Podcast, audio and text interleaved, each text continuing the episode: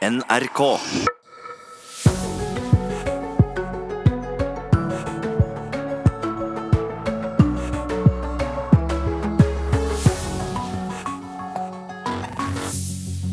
God morgen og velkommen til Nyhetsmorgen i NRK P2, alltid nyheter og NRK1. I morgen skal vi høre at Nav avslår søknader om uføretrygd eller arbeidsavklaringspenger fra kvinner med diagnosen endometriose hvis de ikke opererer bort livmor. Horribelt, sier pasienter. Og hva sier lederen for Rådet for legeetikk? Han kommer til oss ganske snart. Etter måneder med protester og flere døde, ser det endelig ut til at det blir roligere i Sudan. Militære og demonstranter er enige om å dele makten og holde valg. Og så er ryktebørsen i gang. Flygiganten IAG, som eier British Airways, er visstnok igjen interessert i å kjøpe Norwegian, skriver en spansk avis. Trump vil plante det amerikanske flagget på Mars, og Hellas går til valg på søndag. Velkommen til Nyhetsmorgen med Ugo Fermariello i studio. Nav avslår altså søknader om uføretrygd eller arbeidsavklaringspenger fra kvinner med diagnosen endometriose, dersom de ikke opererer bort livmor. Nær 2000 kvinner har samlet seg i en aksjon på nettstedet Facebook etter at kravet om operasjon, som kan føre til sterilitet, blir gitt til kvinner helt ned i 20-årene. Det er faktisk talt kastrering. Elin Aase er en av kvinnene bak ei Facebook-gruppe for endometriosepasienter. Over 1800 kvinner er medlemmer. Og Hvis du da er 25 år for eksempel, og får beskjed om noe sånt, så blir livet ditt ganske rasert. Da forsvinner muligheten til å få familie hvis du ikke allerede har barn. Elin Aase lir sjøl av endometriose, som er vev på avveier i kvinner sitt underliv. Det kan gi store smerter, så ille at mange ikke klarer å delta i arbeidslivet. Hun forteller om en av kvinnene i gruppa. Hun er nødt til å gjennomføre denne aktiviteten for å kunne fortsette på AP. og Da saksbehandler forlenger AP-en til august, hvis du da fjerner livmor og eggstokker og eggledere. Dette ser ikke ut til å være unikt. NRK har fått tilgang til vedtak i Nav. Du er diagnostisert med endometriose. Nav ser at lidelsen påvirker funksjonsevnen i en slik grad at inntektsevnen din er nedsatt i dag. Ifølge sakens medisinske opplysninger fra din fastlege og spesialist i gynekologi, foreligger det imidlertid fortsatt behandling i form av hysterektomi som er vurdert som hensiktsmessig for deg å gjennomføre. Hysterektomi betyr fjerning av livmor. Det er helt horribelt. Det at hun skal måtte gjøre sånt noe. Hun, det gjelder, hun er 28 år. Nav-vedtaket setter en støkk i nestlederen i helse- og sosialkomiteen på Stortinget, Kjersti Toppe fra Senterpartiet. Jeg synes det, det, er helt ufattelig at Nav kan eh, sette sånne krav eh, til en økonomisk eh, stønad. At de kan kreve at en skal fjerne et organ, og særlig når det kan medføre at en blir steril og kvinne i 28 år. Det er veldig overraskende, og jeg kan ikke forstå at Nav kan sette sånne krav. Men i Nav svarer ytelsesdirektør Kjersti Monland slik. Vi kjenner ikke enkeltsaker, og vi er ikke fritatt for taushetsplikt i, i, enkeltsaker som gjør at jeg kan kommentere på det. Men vi kan kreve den medisinske vurderingen som gjør at arbeidsevnen bedres eller opprettholdes. Eh, og det er grunnlaget. Og i noen tilfeller så, så kan vi jo kreve uh, operasjoner. Uh, for det lovverket skiller ikke på ulike typer diagnoser eller, eller eller eh, vi, vi, er avhengig av å vurdere om det er mulig å komme tilbake til arbeid og skaffe seg egen inntekt. NRK fortalte for ei uke siden historie om flygeren i Widerøe som sleit med gallestein. Forsikringsselskapet kravde at han lot seg operere for å komme seg i arbeid, men han nekta og fikk utbetalt forsikringspenger.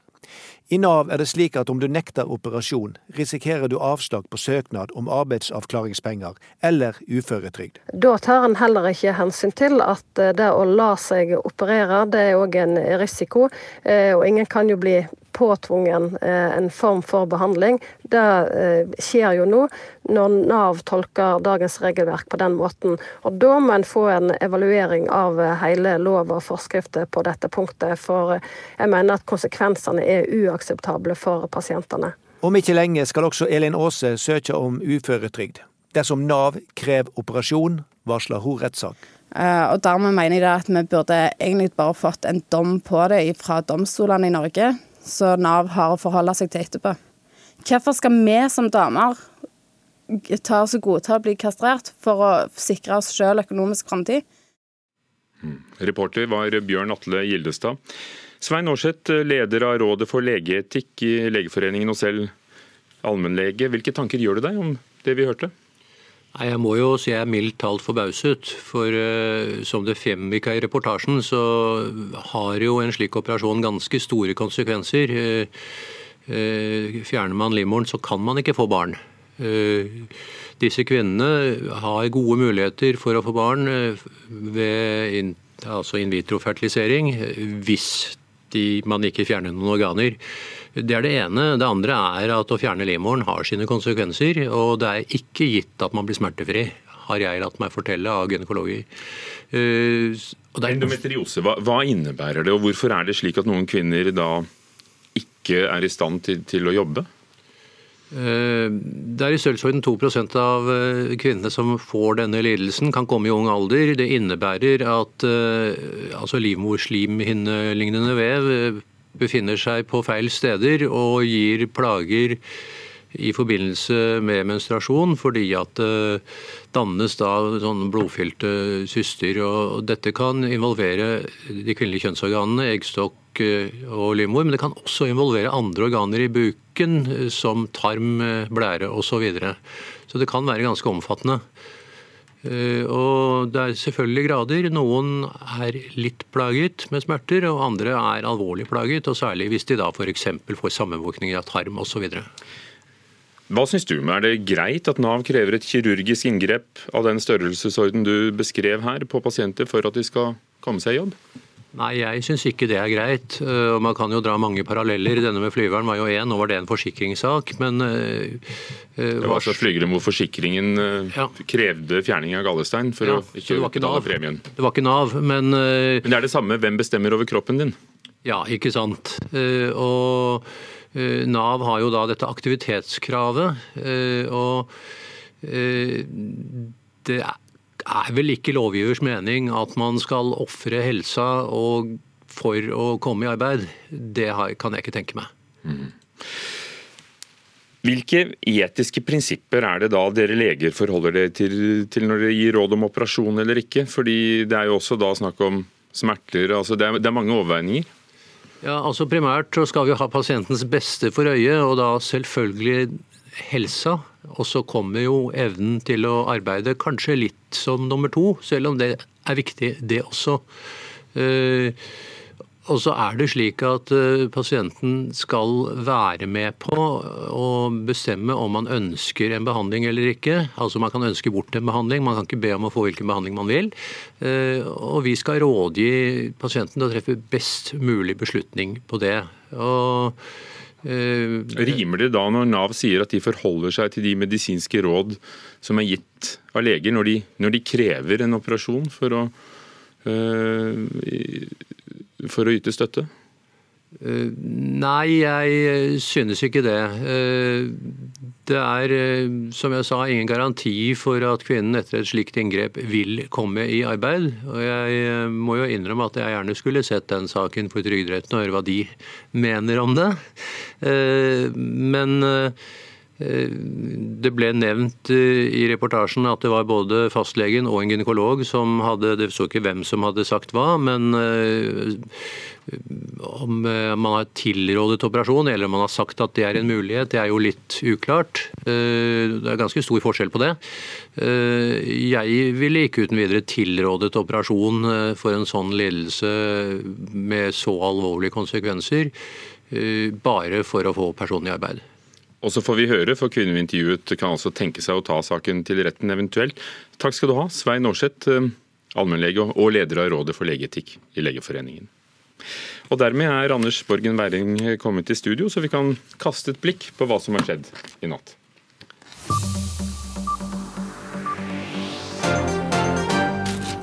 starter i Sudan, for der er militærregjeringen og protestbevegelsen blitt enige om å dele på lederskapet i landet fram til et valg. Partene er også enige om en uavhengig etterforskning av hva som skjedde under de voldelige sammenstøtene de siste ukene. USA skal tilbake på månen. Gene, I want you to know that we're going to be back on the moon very soon, and someday soon we will plant the American flag on Mars. It's happening, It's happening. Det skjer, lovet president Donald Trump, og en dag ganske snart skal vi plante det amerikanske flagget på Mars. Dette sa han i talen sin under feiringen av uavhengighetsdagen 4th of July 4. juli. Det var i går. Spansk-britiske International Airlines Group, IAG, skal ifølge en spansk avis være klare til å legge inn et bud på 10 milliarder kroner på Norwegian. Den spanske avisa OK Diaro oppgir ingen åpen kilde, men skriver at IAG om 15 dager skal være ute av karantenetiden, og at de da igjen kan legge inn et bud på Norwegian. Og dette er eh, nyheter som inntreffer i dag, og vi følger med på NRK Nyheter også. Det faller dom i saken eh, klokken 11 mot ektemannen til Janne Jemtland. Han er tiltalt for å ha drept sin kone. Dyrevernere protesterer i Pamplona, altså det i Spania, mot tyrefektning. Den kjente San Fermin-festivalen i Pamplona med okseløp i gatene åpner i kveld og foregår um, hele helgen. Det begynte april, og så ble den mangeårige lederen al-Bashir eh, kastet i Sudan. Og Så har det vært uh, ukevis og måneder med protester og voldelig sammenstøt og mange døde. Men nå er uh, militærjuntaen og protestbevegelsen blitt enige om å dele makten i Sudan frem til et nytt valg. De siste månedene har det vært spesielt store demonstrasjoner. Militærjuntaen tok altså over etter at presidenten ble avsatt i april, men opposisjonen har krevd et sivilt og demokratisk styre. على إقامة مجلس للسيادة Mekleren Mohammed El Hassan Lebat i Den afrikanske union sier at partene nå er samlet om å opprette et nytt styringsråd. De neste tre åra skal militær opposisjonen bytte på leierådet fram til det blir holdt et nytt valg.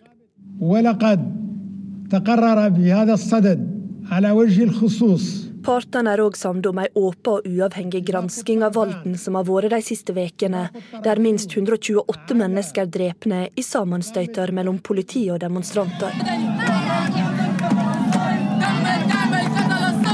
Demonstrasjonene starta i desember i fjor, da daværende president Omar al-Bashir tredobla brødprisene. Folket var frustrerte og sinte på presidenten fordi de ikke lenger hadde råd til mat. De hadde fått nok av det brutale styret hans og ville ha han fjerna. I april ble presidenten satt av, og militæret tok over makta. De har hevdet at de må fortsette å styre for å holde ro og orden i landet. Men folket ønsker seg et demokratisk styre, og protestene har holdt fram. يفتح الطريق لتشكيل مؤسسات السلطة الانتقالية Avtalen partene nå er samde om, er starten på en overgangsperiode, sier Omar al-Degair, lederen for opposisjonen. Han lover nye politiske og sosiale reformer, og sier at dette blir den viktigste oppgaven for regjeringa om de skal kunne sikre fred. Sa utenriksreporter Marte Halser.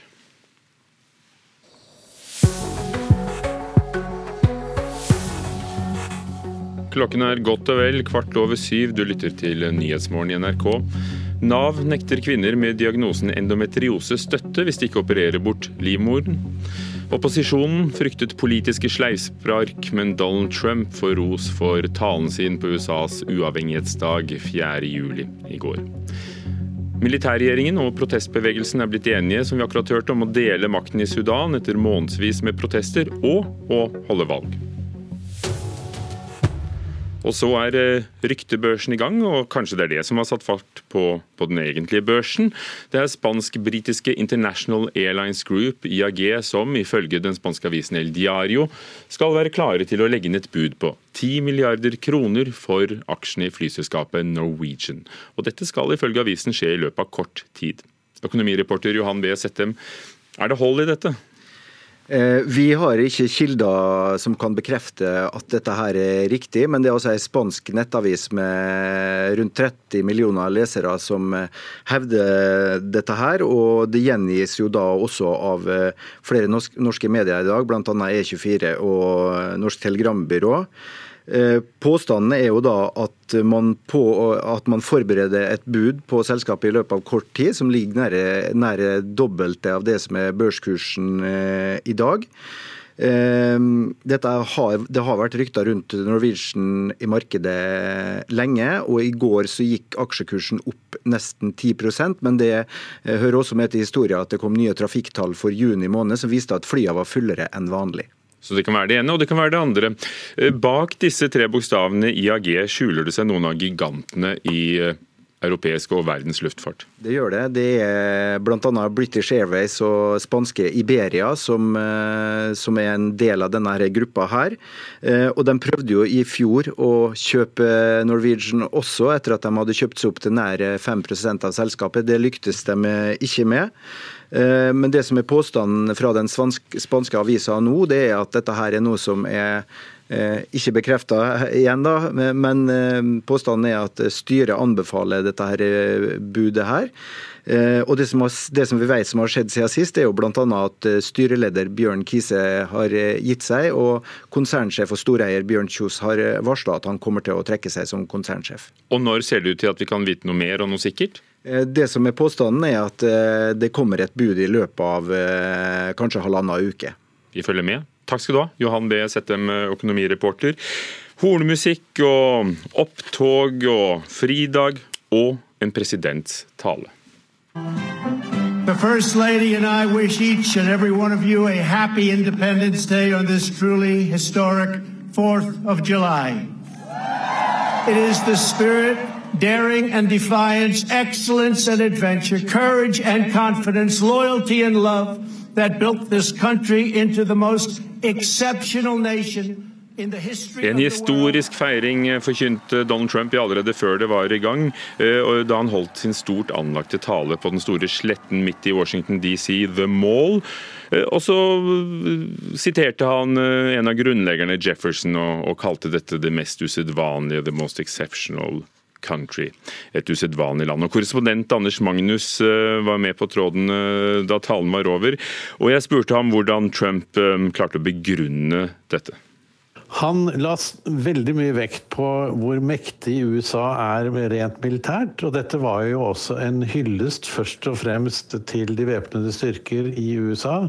Han gjennomgikk jo alle de fem våpengrenene som er Kystvakten, eh, Luftforsvaret, Sjøforsvaret, eh, US Marines og Hæren. Og la til at det kommer en sjette våpengren også, nemlig eh, romstyrken. Altså Forsvaret ute i verdensrommet. Og I den forbindelse så kom han faktisk med en nyhet eh, hvor han eh, erklærte at USA skal være den første nasjonen i verden som skal plante sitt flagg på planeten Mars. Og han sa også at eh, månen vil bli besøkt av amerikanerne ganske snart igjen. Det er jo alltid spennende når Trump skal tale om han holder seg til manus. Gjorde han det? Var det en velregissert presidenttale? Det var det. Det var veldig eh, regissert. Eh, og det måtte det være. Han var helt nødt til å holde seg til manus, fordi etter hvert som han nevnte den ene våpengrenen etter den andre, så snakket han også om de flyene vi skulle få se, og de måtte nødvendigvis eh, være godt timet på forhånd. Så når han nevnte Kystvakten, så kom Kystvaktens fly flygende inn over forsamlingen, osv. med de andre våpengrenene også. Det mest spektakulære spektakulære var kanskje å få se denne eh, B2 Stelt-bomberen eh, fly over hovedstaden. Det er ikke så ofte den eh, er i det luftrommet. Så, så han måtte absolutt holde seg til manus, og det, det var det nok mange som var glade for. Det var ingen politiske sleivspark eller angrep på motstandere. Og så fikk han et kyss. Hvor mye betyr et kyss for en president? Det betyr nok veldig mye i denne sammenhengen. Og eh, det var jo eh, sjeldent å se eh, slik offentlig intimitet mellom Melania og president Trump. Det var, og det så ut som det var et kyss begge to gledet seg over, for å si det sånn, før talen ble holdt. Eh, men det er vel også et tegn på at eh, valgkampsesongen er i gang. Eh, og da er jo amerikanske politikere alltid avhengig av at de får med seg ektefellene som står og smiler sammen med dem, holder dem i hånden og gjerne gir dem et kyss på scenen for å vise at her er det lykke i heimen. Anders Magnus, du har jo fulgt hele denne 4th of July, uavhengighetsdagen, fra morgen til kveld. Og også da rukket å få med deg reaksjonene fra begge leire på Trumps tale. Hva sier kommentatorene? På eh, CNN, som jo eh, har nokså venstreorienterte kommentatorer, så var det faktisk lite kritikk å høre. Det var eh, stor ros for at han holdt seg til manus og ikke gjorde dette til en politisk tale. Men på den annen side så var det også noen som var litt kritisk til at det var så mye militær hyllest og lite ideer. Men eh, på Fox News så var det mm, stort sett eh, stor begeistring, og at man eh, her hadde klart å få fram USAs storhet, og også holdt, at Trump hadde holdt en tale som kunne virke samlende på befolkningen. Ble det en historisk 4th of July? Eh, på mange måter så ble den tradisjonell når det gjelder den paraden som gikk tidligere på dagen. Det som var historisk, eh, kanskje, var at eh, presidenten selv talte. Det er jo nokså uvanlig. Men innholdet i talen var nok ikke spesielt historisk. Så han selv syns nok den var det. Men det spørs om, om historikerne i ettertid vil se på dette som noe veldig spesielt. Anders Magnus på tampen av 4. juli om Trumps tale. Det har vært noen tøffe år for Hellas, ti år etter at den økonomiske krisen satte inn for fullt. Statsminister Alexis Tsipras eh, smykker seg med at han har stablet økonomien på bena igjen. Men vil han bli belønnet for det, eller straffet for alle ofrene det har innebåret? Søndag er det nemlig valg på ny nasjonalforsamling. Det skulle egentlig vært i oktober, men Tsipras fremskyndet det hele etter at eh, partiet gjorde det elendig på EU-valget i mai. Αμέσως μετά τον δεύτερο γύρο των αυτοδιοικητικών εκλογών θα ζητήσω από τον Πρόεδρο της Δημοκρατίας την άμεση προκήρυξη εθνικών εκλογών. Så her er det han kunngjør nyvalget, og Vemund Aarbakke, førsteamanuensis i statsvitenskap ved Aristoteles-universitetet i Tessaloniki, nettopp i Hellas. Hva har Tsipras å vinne på å utskrive valg allerede nå? Det, har å gjøre med at eh, Det han sa i hvert fall eksplisitt, var at han hadde ikke noe mandat lenger. Så det, det ville bli for stor politisk kostnad å sitte til det som var normal tid for valget. Nå kan jeg jo tilføye at det er jo ikke på noen måte uvanlig at det er tidlige valg i Hellas, så det er veldig mye taktikk med i bildet. Og en av tingene er òg at han kanskje trodde han ville tape mer hvis han eh, tok valget seinere. Og han forsøker å holde på det han kan med å holde valget nå, før det går enda verre. Hvorfor sliter eh, regjeringen hans, som er da venstreorientert, grovt sagt, eh, på meningsmålingene før valget?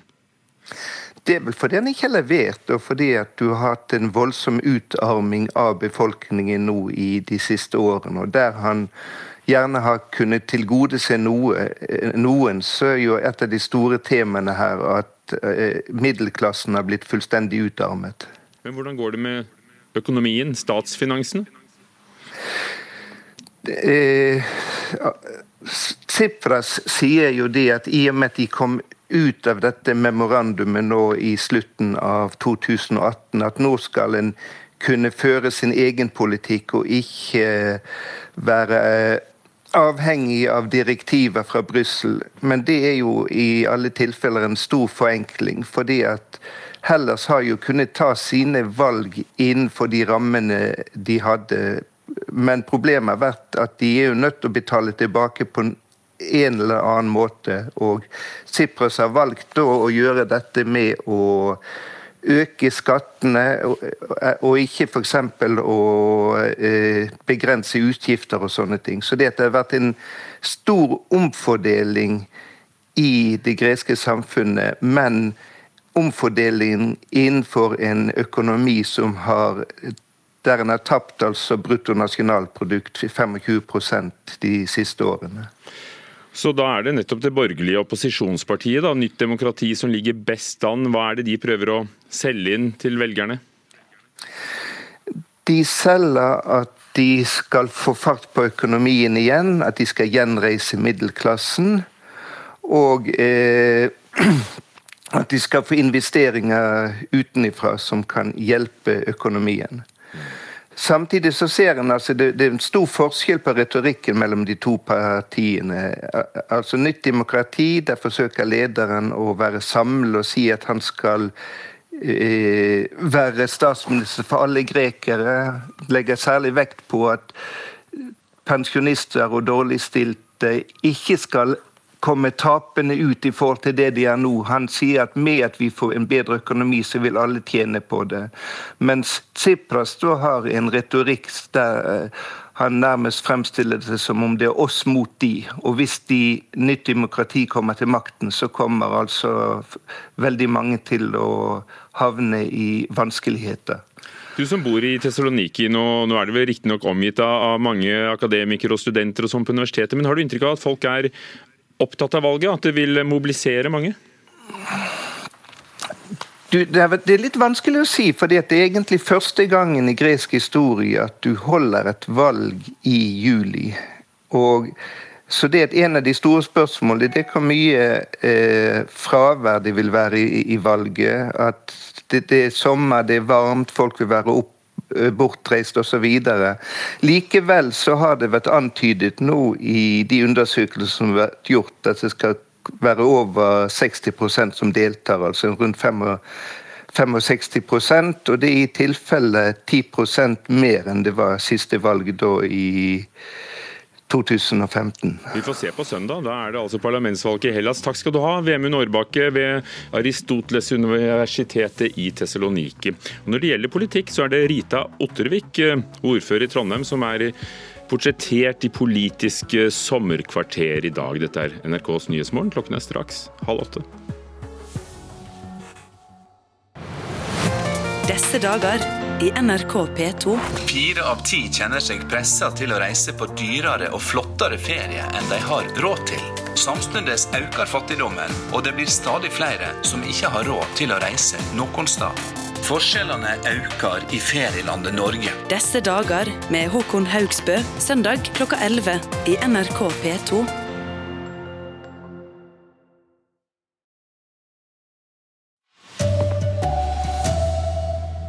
Nav nekter kvinner støtte hvis de ikke opererer bort livmoren. Hvorfor skal vi som damer ta oss og godta å bli kastrert? Opposisjonen fryktet politiske sleivspark, men Donald Trump får ros for talen på uavhengighetsdagen. Borettslag droppet sandkasse til barna, i stedet ble det lekeplass for voksne. Her er NRK Dagsnytt, klokka er 7.30. Nav avslår søknader om uføretrygd eller arbeidsavklaringspenger fra kvinner med diagnosen endometriose, dersom de ikke opererer bort livmoren. Endometriose kan føre til store smerter i underlivet og kan gjøre det vanskelig å bli gravid. Nesten 2000 kvinner har samlet seg i en aksjon på Facebook mot at det blir krevd at kvinner ned i 20-åra tar operasjonen, som gjør dem sterile. Det er faktisk talt kastrering. Elin Aase er en av kvinnene bak ei Facebook-gruppe for endometriosepasienter. Over 1800 kvinner er medlemmer. Og Hvis du da er 25 år for eksempel, og får beskjed om noe sånt, så blir livet ditt ganske rasert. Elin Aase lir sjøl av endometriose, som er vev på avveier i kvinner sitt underliv. Det kan gi store smerter, så ille at mange ikke klarer å delta i arbeidslivet. Hun forteller om en av kvinnene i gruppa. Hun er nødt for å gjennomføre denne aktiviteten for å kunne fortsette på AAP. og Da saksbehandler forlenger AAP-en til august, hvis hun da fjerner livmor og eggstokker og eggledere. Det er helt horribelt. Hun det gjelder, hun er 28 år. Nav-vedtaket setter en støkk i nestlederen i helse- og sosialkomiteen på Stortinget, Kjersti Toppe fra Senterpartiet. Jeg synes det, det, er helt ufattelig at Nav kan eh, sette sånne krav eh, til en økonomisk stønad. Eh, at de kan kreve at en skal fjerne et organ, og særlig når det kan medføre at en blir steril og kvinne i 28 år. Det er veldig overraskende, og jeg kan ikke forstå at Nav kan sette sånne krav. Men i Nav svarer ytelsesdirektør Kjersti Monland slik. Vi kjenner ikke enkeltsaker, og vi er ikke fritatt for taushetsplikt i, i, enkeltsaker som gjør at jeg kan kommentere på det. Men vi kan kreve den medisinske vurderingen som gjør at arbeidsevnen bedres eller opprettholdes. Eh, og det er grunnlaget. Og i noen tilfeller så, så kan vi jo kreve uh, operasjoner. Hvorfor skal vi som damer ta oss gode til å bli kastrert for å sikre oss sjøl økonomisk framtid. Reporter her, Bjørn Atle Gildestad.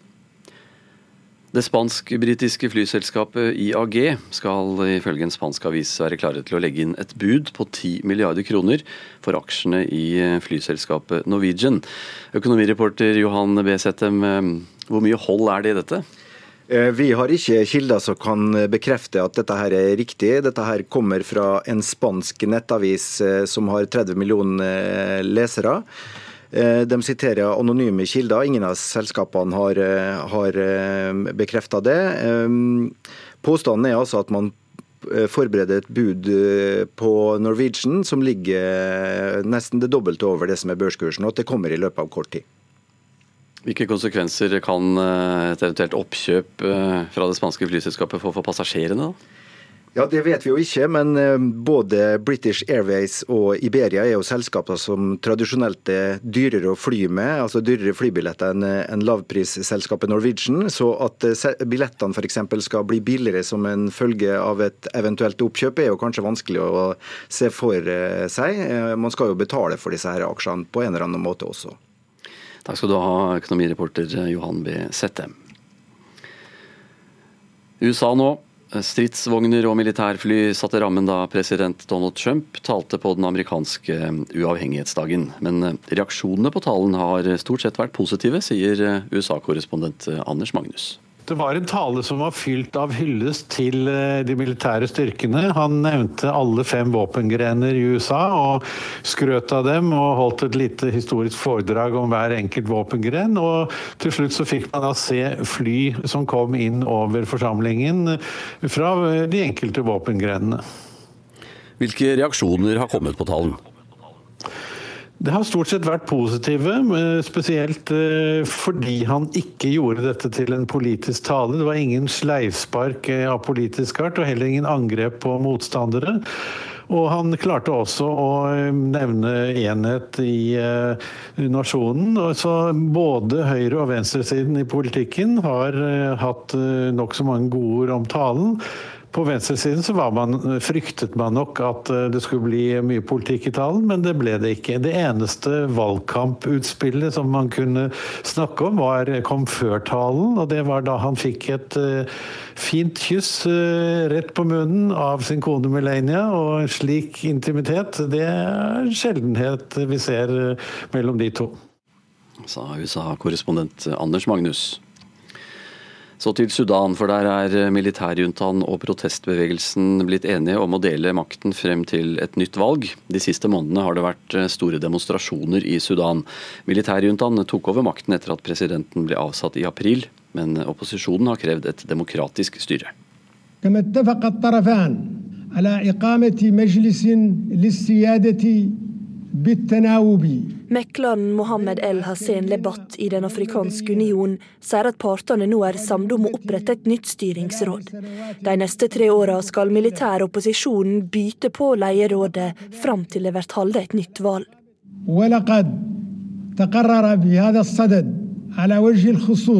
Partene er òg samde om ei åpen og uavhengig gransking av volden som har vært de siste ukene, der minst 128 mennesker er drepne i sammenstøyter mellom politi og demonstranter. Demonstrasjonene starta i desember i fjor, da daværende president Omar al-Bashir tredobla brødprisene. Folket var frustrerte og sinte på presidenten fordi de ikke lenger hadde råd til mat. De hadde fått nok av det brutale styret hans og ville ha han fjerna. I april ble presidenten satt av, og militæret tok over makta. De har hevda at de må fortsette å styre for å holde ro og orden i landet. Men folket ønsker seg et demokratisk styre, og protestene har holdt fram.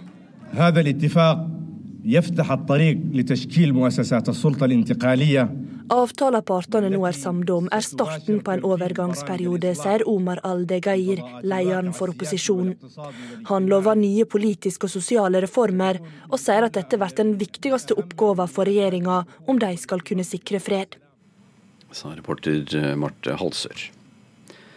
Mange unge har sitt første møte med rusmiddelet cannabis på musikkfestivaler denne sommeren. Tidligere denne uka så ble 65 festivaldeltakere pågrepet med narkotika på festivalen Kadetten i Bærum. Nå forbereder eh, ungdomstjenesten i Kristiansand seg på strandfestivalen Palmesus, som starter i dag.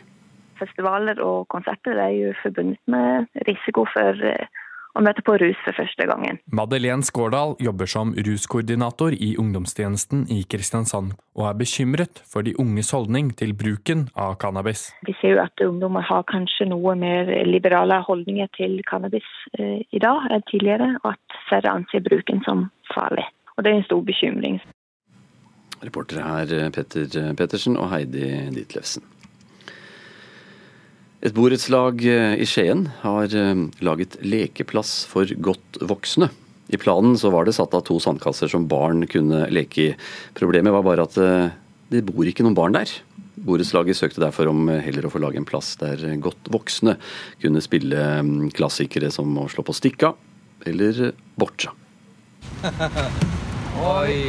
De to naboene Halvard Ripegutu og Rolf Haugen spiller et slag boccia på borettslaget splitter nye lekeplass. Med en lengre bane med betonggulv og et sandlag på toppen, er det en perfekt bane for et slag boccia. Det er jo en del av oss som er enslige eller kanskje litt ensomme, og noen har kanskje ikke så mye å finne på. Og så er det litt med Man kommer ut og møter andre, som Halvard sier, og så er det dette med aktivitet, for det kan også ha litt, litt med fysikk å gjøre. For noen av oss begynner å bli litt sånn dårlig til beins og sånt. Men det her er sånn at du kan gå. Må du bøye deg ned for å ta opp kulene, men så får du i hvert fall litt eh, mosjon på det. Og så går du tilbake igjen, så får du få rørt litt på seg også. Da. Så det er også litt av folkehelseaspektet i det, syns, syns vi, da. Selv om det ikke er mange dagene siden åpningen av lekeplassen for voksne, har borettslaget allerede fått tilbakemeldinger av andre borettslag som syns dette var en god idé og konkurranseinstinktet har begynt å våkne. Vi snakket om det bort på Klosterøya. Hvis de anlegger en bane der, så kan Klosterøya konkurrere med Klosterhagen. Det er veldig bra det, hvis de lager turneringer, vi, ikke sant Halvard? Absolutt.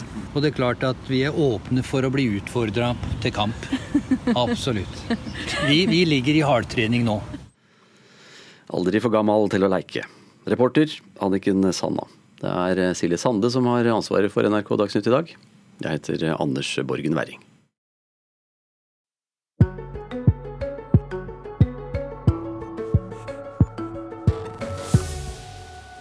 Det er sjelden stille rundt um, Trondheimsordfører Rita Ottervik fra Arbeiderpartiet. Nå sier hun at hun ønsker å endre partiets asylpolitikk, og dette kommer hun til å si i Politisk sommerkvarter om litt her i Nyhetsmorgen i NRK P2, Alltid nyheter og på NRK1 TV. Men aller først skal vi høre om en sak som um, NRK løftet frem tidligere i uken. Kommunen tar selvkritikk og lover nå å legge til rette for at Magne Førleide skal få se sin kone Hjørdis på Flora omsorgssenter i Sogn og Fjordane hver dag. For det er utfallet etter at pårørende har hatt flere møter med kommunen. Det var altså tidligere denne uken at det ble kjent at de to, som begge er i 80-årene, bare fikk se hverandre litt over to timer i uken, selv om de bor i samme hus, samme omsorgssenter. Og det var ektemannen veldig lei seg for. Kan ikke si at det bra.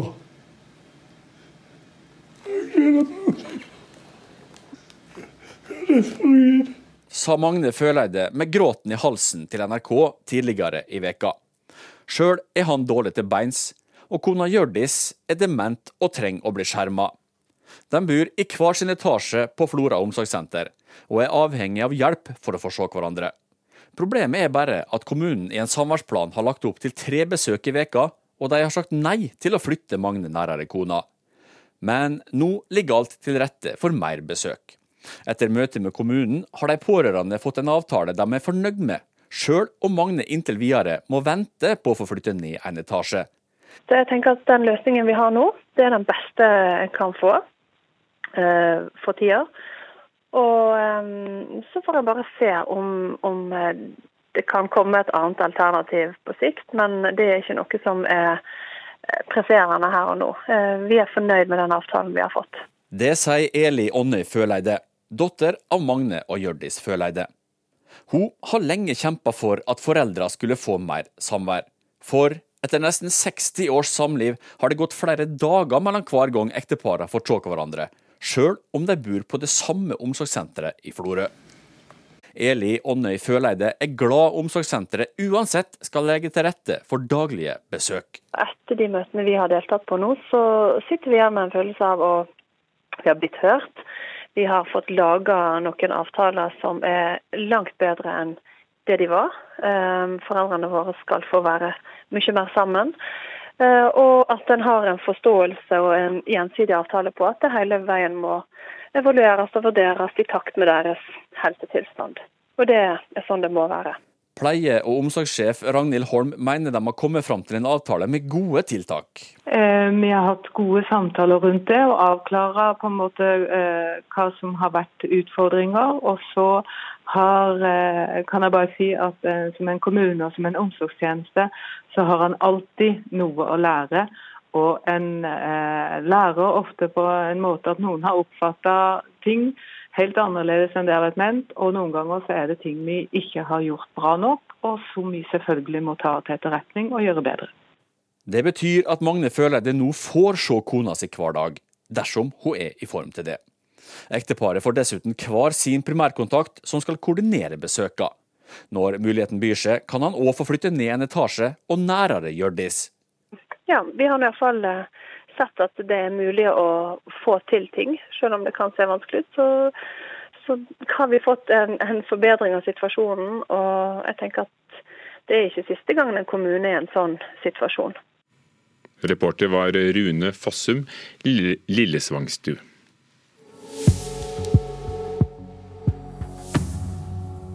Klokken er snart kvart på åtte. Dette er Nyhetsmorgen. Noen av dagens eh, hovedoppslag. Nav nekter kvinner med diagnosen endometriose støtte hvis de ikke opererer bort livmor. Etter måneder med protester og flere døde i Sudan, er militæret og demonstrantene enige om å dele makten og avholde valg.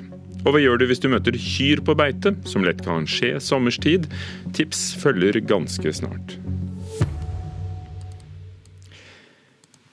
Lobbyismekrise, asylstrid og kunstnerisk kritikk.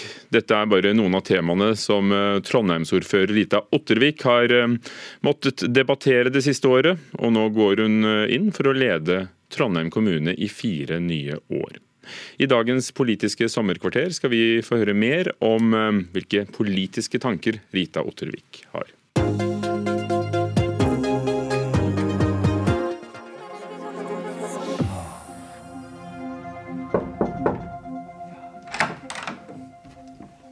God dag. Du fant fram? Fant fram. Einar. Hei, Rita. Ja, Så det er her du holder til? Ja, her eh, er i hvert fall kontortida mi. Men jeg springer jo veldig mye møter og ut av huset og treffer folk. Så det er et hyggelig kontor, så jeg kunne ha tenkt meg å være her mer. Og for Arbeiderpartiets ordfører i Trondheim, Rita Ottervik Viljensen, er dette hennes kontor i fire nye år etter høstens kommunevalg. De røde veggene som pryder rommet, har omringet henne siden valget i 2003. 16 år i ordførerstolen har bydd på mye glede, men òg store utfordringer. Og det var ikke gitt at hun skulle gå for en ny periode. Jeg må tenke meg lenge om, fordi at 16 eh, år som jeg har bakom meg, er lang tid. Ehm, men jeg kjenner jo på en sterk motivasjon for å jobbe videre med bl.a. eldreomsorgen, med utvikling av skolene våre. Mange lokale saker som eh, jeg brenner for. Og så ble det en situasjon også i partiet hvor eh, folk som kanskje kunne ha tatt over, ikke hadde anledning til det. Ehm, og da ble det en runde med meg sjøl som gjorde at jeg fant ut at energien var der, og motivasjonen er der. Jeg vil bare ta tak i det du sa, folk som ikke hadde anledning lenger til å ta partiet videre. Hva legger du i det? Det er en flere som kunne ha vært aktuelle, men vi har jo hatt en turbulent tid med den Kystad-saken her i Trondheim, som har gjort at kanskje kandidater som kunne ha vært aktuelle, ikke er det lenger. Kystad-saken rystet trondheimspolitikken og fikk stor nasjonal oppmerksomhet. Kort fortalt skildret saken lobbyisme fra arbeiderpartipolitiker Rune Olsø mot eget parti, for å sikre at hans selskap kunne bygge på områder som var foreslått vernet. Flere i Otterviks parti var involvert i saken. Nei, Det har vært vanskelig. Det er jo enkelte av involverte jeg ikke har snakka med siden saken sprang. Hvordan var det å oppleve den stormen når den foregikk? Først så blir du jo helt sjokkert, og så blir du jo sint. Og så har det vært en lang prosess med opprydding, som har vært krevende. Det har vært politietterforskning, det har vært kommunerevisjonsgjennomgang, og det har vært høringer, og det har vært mange runder som har eh, eh, vært vanskelig. Men allikevel så har det kommet noe godt ut av det, fordi at vi har klart, eh, mener jeg, både å vedta endringer i eh, bystyrereglementet. Vi har innført eh, lobbyforbud mellom bystyrerepresentanter. Vi har innført lobbyregister. Og ikke minst så har det vært en ordentlig eh, tankevekker og ordentlig røsk i forhold til å være enda mer tydelig og bevisst på eh, roller, på habilitet, eh, og på å se på hvordan en kan sørge for eh, å motvirke sånt da i framtida. Har du vært for ukritisk i å velge det laget du har rundt deg? Det kan ikke jeg si. Men det som jeg tror um, en tenker på i ettertid, eh, handler jo om at ja, hva hadde skjedd hvis vi hadde stemt for lobbyregister? Uh, hva om vi hadde uh, innført andre regler tidligere? Men samtidig så har du jo tro på at folk forholder seg til lover og regler og til det som er linjene nå, og ikke går bak ryggen på både meg og andre. For det er jo det som kanskje er vanskeligst å oppleve, det er at det flere har gått bak ryggen din. Samtidig som det har ført til en ja, tap av politisk troverdighet. Helt åpenbart. I tillegg til Kystad-saken har det også vært mye bråk i Trondheim rundt Trond Giske. Likevel opplever Arbeiderpartiet og Ottervik målinger på over 30% Er du den personen som skal redde Ap nasjonalt? Nei, det er det nok ikke. Jeg skal ta en runde i Trondheim nå til høsten. Stiller jeg til valg igjen lokalt. Og jeg er veldig glad i lokalpolitikken, jeg må innrømme det. Jeg er veldig glad i å finne konkrete løsninger som betyr noe for folk i hverdagen. Og da blir ja, noe av debattene nasjonalt og noe av kommaflyttinga i stortingsdokument, det blir for kjedelig for meg. Så du utelukker at du en gang ender opp på Stortinget? Jeg skal aldri utelukke noe, men eh, jeg er fryktelig glad i kommunepolitikken og engasjerer meg lokalt. Eh, og finner stor motivasjon i det. Altså. Starten av sommeren har også vært preget av den såkalte Abbasi-saken. Tre unge mennesker og deres mor, som har bodd i Trondheim de siste år, fikk sin oppholdstillatelse avslått av norske myndigheter og ble forsøkt tvangsutsendt til Afghanistan. Det er jo en sak med en familie som vi oppfatter som trondhjemmere og som eh, staten, med loven i hånd, eh, tenker å returnere ja, to unge ungdommer blant annet, som aldri har vært i Afghanistan, til et fremmed land, som jeg vil kalle det. Det har gjort inntrykk på meg. Jeg tenker òg at um, denne saken illustrerer litt hva jeg mener ikke bør være den nasjonale politikken. Jeg er enig i at vi skal ha en streng og rettferdig um, innvandringspolitikk. Men hvis streken går her og denne familien utafor, så tror jeg vi må flytte streken noe for å ta hensyn til barn og unge spesielt. Hva foreldre gjør, hva andre gjør, og det å straffe ungdommer som for det første ikke har gjort noe galt, men i tillegg aldri har vært i det landet de skal sendes tilbake til, det, det tenker jeg at det kan ikke være innenfor den politikken vi ønsker å stå for i Norge. Arbeiderpartiet nasjonalt sier jo fremdeles at den asylvedtaket fra 2015 ligger fast. Går du da mot ditt eget parti i denne saken? Det, I Trondheim så har vi vært eh, kritisk til en del av linja til Arbeiderpartiet sentralt. Um, og tatt mange diskusjoner som har gått på flyktning- og asylpolitikken. Så vi litt, har en litt annen stemme i, i debatten. Men så vet jeg ikke om du behøver å forandre den så voldsomt mye. Fordi at den sier jo at barn og unge skal tas hensyn til. Den sier at den skal ta menneskelig hensyn. Og hvilke regler eller endringer som må til da, det vet jeg ikke jeg. Men det å flytte streken litt, sånn at en kan ta hensyn til de her ungdommene, det mener jeg at vi bør gjøre. Og det håper jeg at alle partier på Stortinget tar inn over seg og diskuterer. Er streken nøyaktig satt? Eller er det gått sånn prestisje at man skal ikke fire på noe? At det er egentlig det som nå skjer, at man skal holde på eh, det man mener er streken. Men vil ikke det føre til en veldig liberalisering av denne politikken? At det vil bli et grunnlag for at folk kan sende barn og kvinner til Norge eh, for opphold? Nå mener jeg at uh, den ikke uh, er det. Og jeg skjønner behovet for å sørge for at du ikke får familier som sender mindreårige for å få opphold. Jeg forstår den argumentasjonen. Men her er det en familie som har vært fordrevet til Iran, som har flykta til Norge, og hvor ungdommene har vokst opp i Trondheim over mange år. Eh, og det er en litt annen situasjon enn at du sender én person til Trondheim eller til Norge og håper å få familiegjenforening. Du sendte et brev til Trine Skei Grande, Venstre-leder, eh, der, der, du møter mye medvilje og mye støtte, og fra KrF, men sliter da hos ditt eget parti. Er ikke det et lite paradoks? Jeg visste jo at de sannsynligvis kom til å bli enige med meg, fordi at eh, det var litt av hensikten med å sende akkurat til dem. Eh, jeg hadde jo håpa at det kunne føre til at regjeringa tok noe initiativ til å diskutere hvor den streken skal gå hen. Eh, jeg opplever at mitt parti, Arbeiderpartiet, sier at hvis regjeringa ønsker samtaler rundt det, så er de åpne for det. Men da må det komme et initiativ fra regjeringa. Det er det jeg håper at Trine Skei Grande og, og Ropstad kan bidra til, sånn at man får satt seg rundt et bord og få diskutert er det justeringer her som kan være med å løse saken. På veien hit til rådhuset i Trondheim så gikk jeg forbi Kunstmuseet borti gata her, der Håkon Bleken har en utstilling. Han hadde jo noen portretter eh, som var veldig retta mot deg. Hva tenker du om sånne angrep i det offentlige bildet? Vet du, Det er en politisk argumentasjon. Altså en, han bruker kunst som politisk argumentasjon fordi at han er uenig med meg i en sak. Det har jeg ikke noe problem med å Eh, både tåle og like, faktisk. Fordi at jeg syns eh, kunstnere i større grad bør ytre seg politisk. Så jeg syns at eh, det at han gjør det, og bruker kunsten sin, syns jeg er helt OK.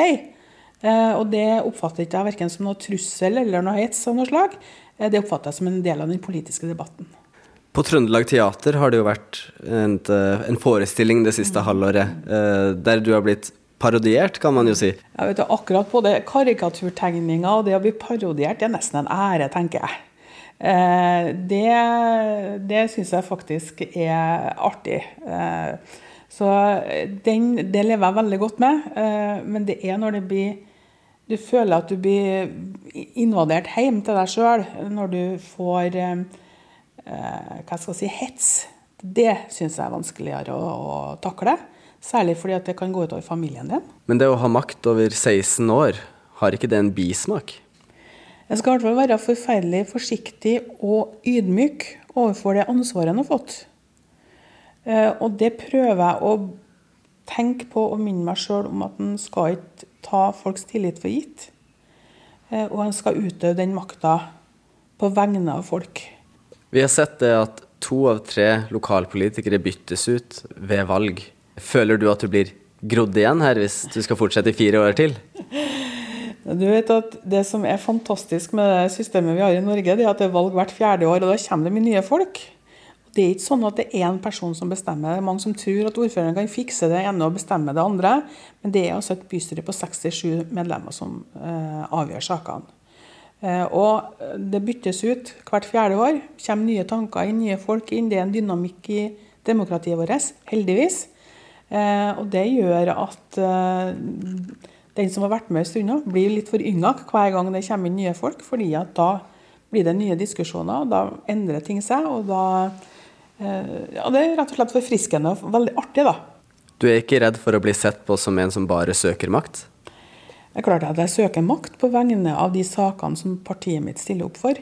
Men personlig har jeg ikke noe behov for um, å sitte på det kontoret her. Jeg har uh, hatt fantastiske år allerede. Uh, jeg tenkte jo kanskje at jeg hadde, når jeg starta, at jeg skulle sitte i to perioder. Det var planen min. Og så har det blitt lenger. Uh, men det er for sakene jeg brenner. og så koster det mye arbeidstimer. men motivasjonen ligger der til å gjøre endringer. Altså, jeg er fortsatt ikke fornøyd med den eldreomsorgen vi har i Trondheim. Vi har gjort mye, men det er mye som gjenstår. Vi er ikke en god nok arbeidsgiver, sånn at vi får sykepleiere og helsefagarbeidere i hele stillinger.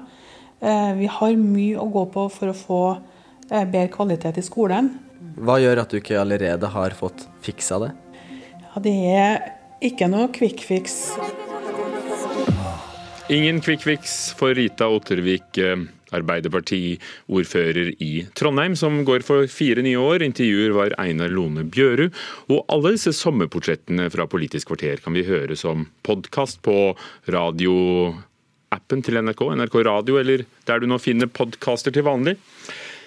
Kyr skal være utendørs i minst åtte uker av beitesesongen. Og, og hva gjør du hvis du møter en ku eller flere kyr som går fritt ute på beite? Flere friluftsorganisasjoner har nå lansert kuvettregler for å unngå konflikter og ja, til og med ulykker. Møt på store dyr ut i naturen kan ofte virke litt skremmende, og enkelte ganger er det kanskje ikke like lett å vite hvordan man skal oppføre seg, eller om de er aggressive eller bare nysgjerrig og vil hilse på deg. De siste årene har det vært flere tilfeller der turgåere har blitt skremt eller angrepet av kyr. Hvis de kommer mot deg, så kan du jo eh, se hvor kjælende de er. Da. Men jeg må huske på at store kuer er veldig sterke, og de er kanskje lekne og har lyst til å bli klødd og, og slåss litt eller tulle med deg. Og da kan det være farlig. Bonde Elisabeth Irgens Hofstad fra Larvik har følgende tips. Da er det det å holde litt avstand. Selvfølgelig ha dyr i bånd. Pass på ungene dine, at ikke de springer bare bort til. I likhet med elgen så har også kyr med seg kalver når de er ute på beite. Og da er det lurt å være ekstra forsiktig. De, særlig de som går med kalv, vil jo veldig stor grad beskytte kalvene sine. Så det å se de på avstand og gå en liten runde rundt, tror jeg er veldig fornuftig i de fleste tilfeller. Men det er ikke sånn at folk ikke skal gå inn i områdene. De må bare bruke sunn fornuft, holde seg litt unna.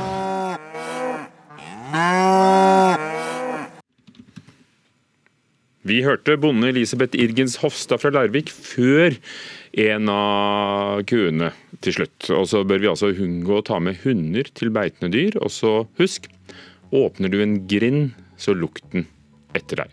Reporter om kuvett var Julie Refseth. Dette er Nyhetsmorgen. Det er fredag. Fredagspanelet samles om et kvarter i Kulturnytt. Og så skal vi bl.a. diskutere om festivaltid er cannabistid for unge.